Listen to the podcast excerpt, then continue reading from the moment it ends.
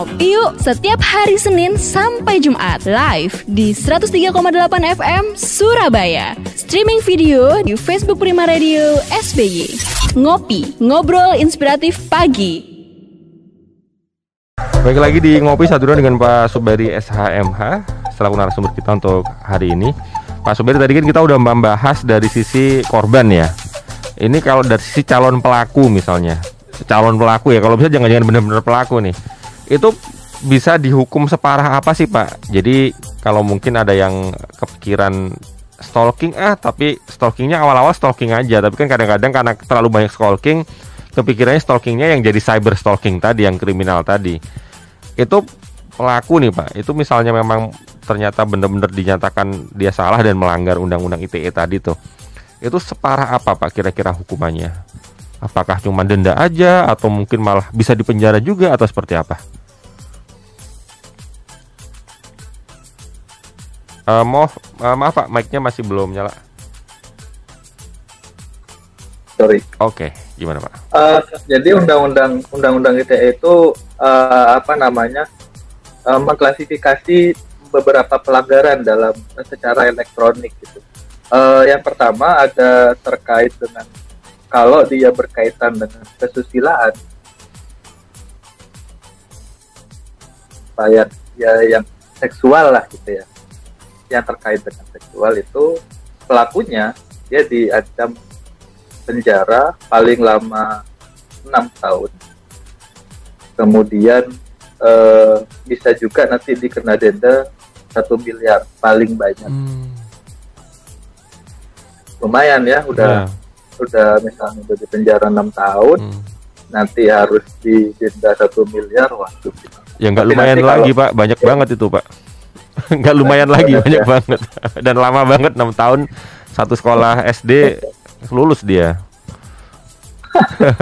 Iya. Uh, kalau misal terkait dengan uh, kehormatan pencemaran nama baik pencemaran nama baik uh, itu empat tahun kemudian uh, dendanya 750 juta maksimalnya. Yeah. ini saya bilang uh, maksimalnya mm -hmm. kemudian kalau dia berkaitan dengan uh, pengancaman nah, itu sanksinya empat tahun juga paling lah enam tahun hmm. paling lama kemudian dendanya satu miliar juga maksimal uh, itu sanksi-sanksi yang yang bisa dikenakan kepada kepada calon pelaku ah yeah. pelaku ya kalau yeah. calon kan belum kepada pelaku tapi itu emang nanti melalui proses uh, pengadilan ya yang hmm. memutus nanti itu di angka maksimal nanti uh, itu nanti sanksinya bisa dibawa itu gimana kalau kalau si pelakunya nggak bisa bayar misal hmm. misal di denda satu m oh, tapi dia nggak punya duit hmm. orang dia nggak punya kerjaan misalnya hmm. nanti biasanya sanksi duitnya itu akan diganti dengan kurungan juga aduh tambah lama lagi sampai SMP SMA Jadi bisa Ya, kan SD tadi kan paling ya. mentok 6 ya, bisa nambah SMP sampai SMA. Nanti itu akan akan diganti uh, kurungan biasanya kalau uangnya nggak ada gitu. Oke, nah ini itu sanksinya. Mm -hmm.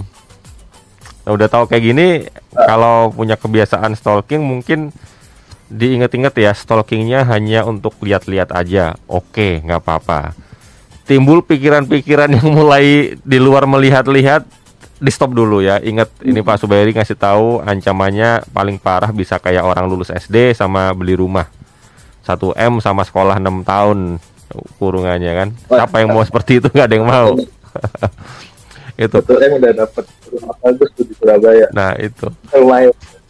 Terus apa namanya? Ini buat pelaku tadi ya, ya. Semoga kita nggak ada kepikiran seperti itu ya, jangan sampai lah. Jadi kalau hobi stalking ya udah berhenti dilihat-lihat aja, jangan kepikiran yang lain-lain.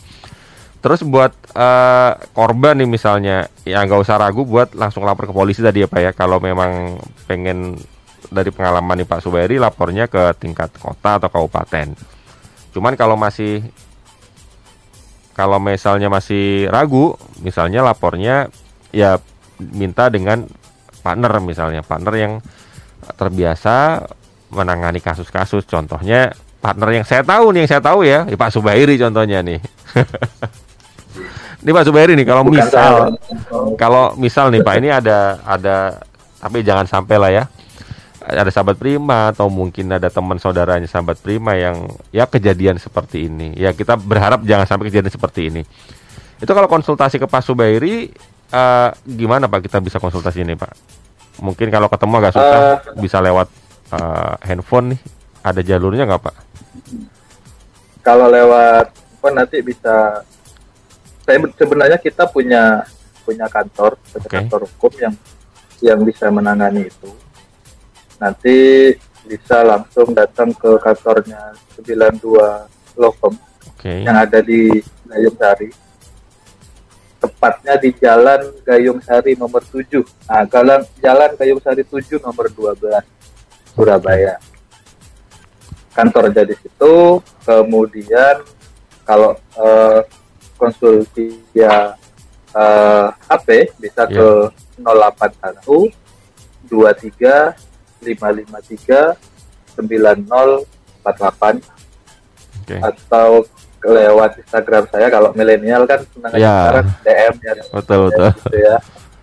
Ah, eh, sementara bisa ke akun saya Ya. at Zubairi Zu Zu, Zu belakangnya pakai dua U Oke. Zu. At Subairi pakai Z depannya Zu Z U U. Itu akun Instagramnya.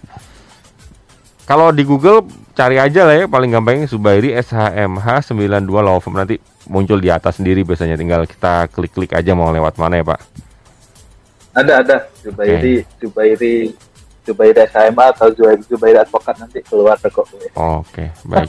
Ini di luar tema nih Pak. Saya mau nanya Pak. 92 Law Firm ini kenapa namanya 92 ya Pak 92 law firm itu apa namanya dia dikasih nama 92 karena orang-orang eh, para advokatnya adalah advokat-advokat dari alumni FH UNER ya angkatan 92 oh, oke. Angkatan 92 jadi kemudian eh, namanya 92 law firm dan nah kalau saya kan termasuk yang muda nih. Iya saya nggak mungkin dong kuliah angkatan 92 oh gitu. Iya, ya ya ya ya ya ya jadi saya apa namanya uh, karena memang banyak kenal dengan orang-orangnya jaringan saya banyak itu nah kebetulan saya memenuhi salah satu kualifikasi. Saya Mm-mm. saya juga punya angka 92 gitu kan cuma 92 itu tahun lahir saya jadi masih Oh masih iya iya iya. Ini buat teman-temannya Pak Subairi 92 itu angkatan kuliah, tapi buat Pak Subairi sendiri itu ta- uh, tahun kelahirannya Pak Subairi gitu ya. ya Iya, itu iya. lahirnya 92 kalau nggak gitu nggak bisa masuk Sama berarti Pak. Saya juga oh saya nggak bisa masuk nih saya Pak. Saya kelahirannya 95. Nggak bisa masuk Waduh. nih ya. Iya ya. Nanti saya bikin sendiri aja 95. boleh kalau kalau mau ngerubah tahun lahir boleh pengadilan Baik, Pak Subairi closing statement nih Pak. Uh, pesan-pesan buat sahabat Prima nih Pak terkait dengan uh, hati-hati cyber stalking ini silakan.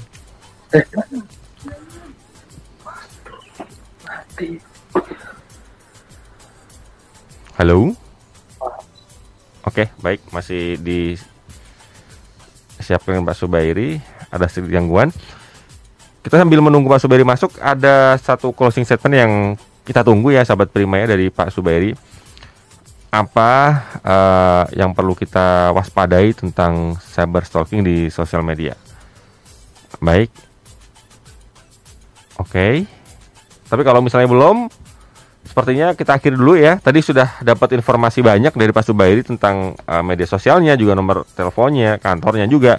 Anda bisa konsultasi lebih lanjut di eh, alamat tadi yang disebutin Pak Subairi atau di Google boleh ya. Subairi advokat nanti akan muncul di atas sendiri. Ada banyak cara untuk menghubungi atau berkonsultasi dengan timnya Pak Subairi. Oke, terima kasih sahabat Prima. Saya Oktiana Nugraha pamit. Kita ketemu lagi ngopi ya, hadir setiap hari Senin sampai Jumat jam 9 sampai jam 10 pagi. Selamat pagi, selamat beraktivitas. Semoga sehat dan aman sampai tutup hari nanti. Semua kita nggak ada masalah berarti ya. Selamat pagi. Ngopi yuk setiap hari Senin sampai Jumat live di 103,8 FM Surabaya. Streaming video di Facebook Prima Radio SBY. Ngopi, ngobrol inspiratif pagi.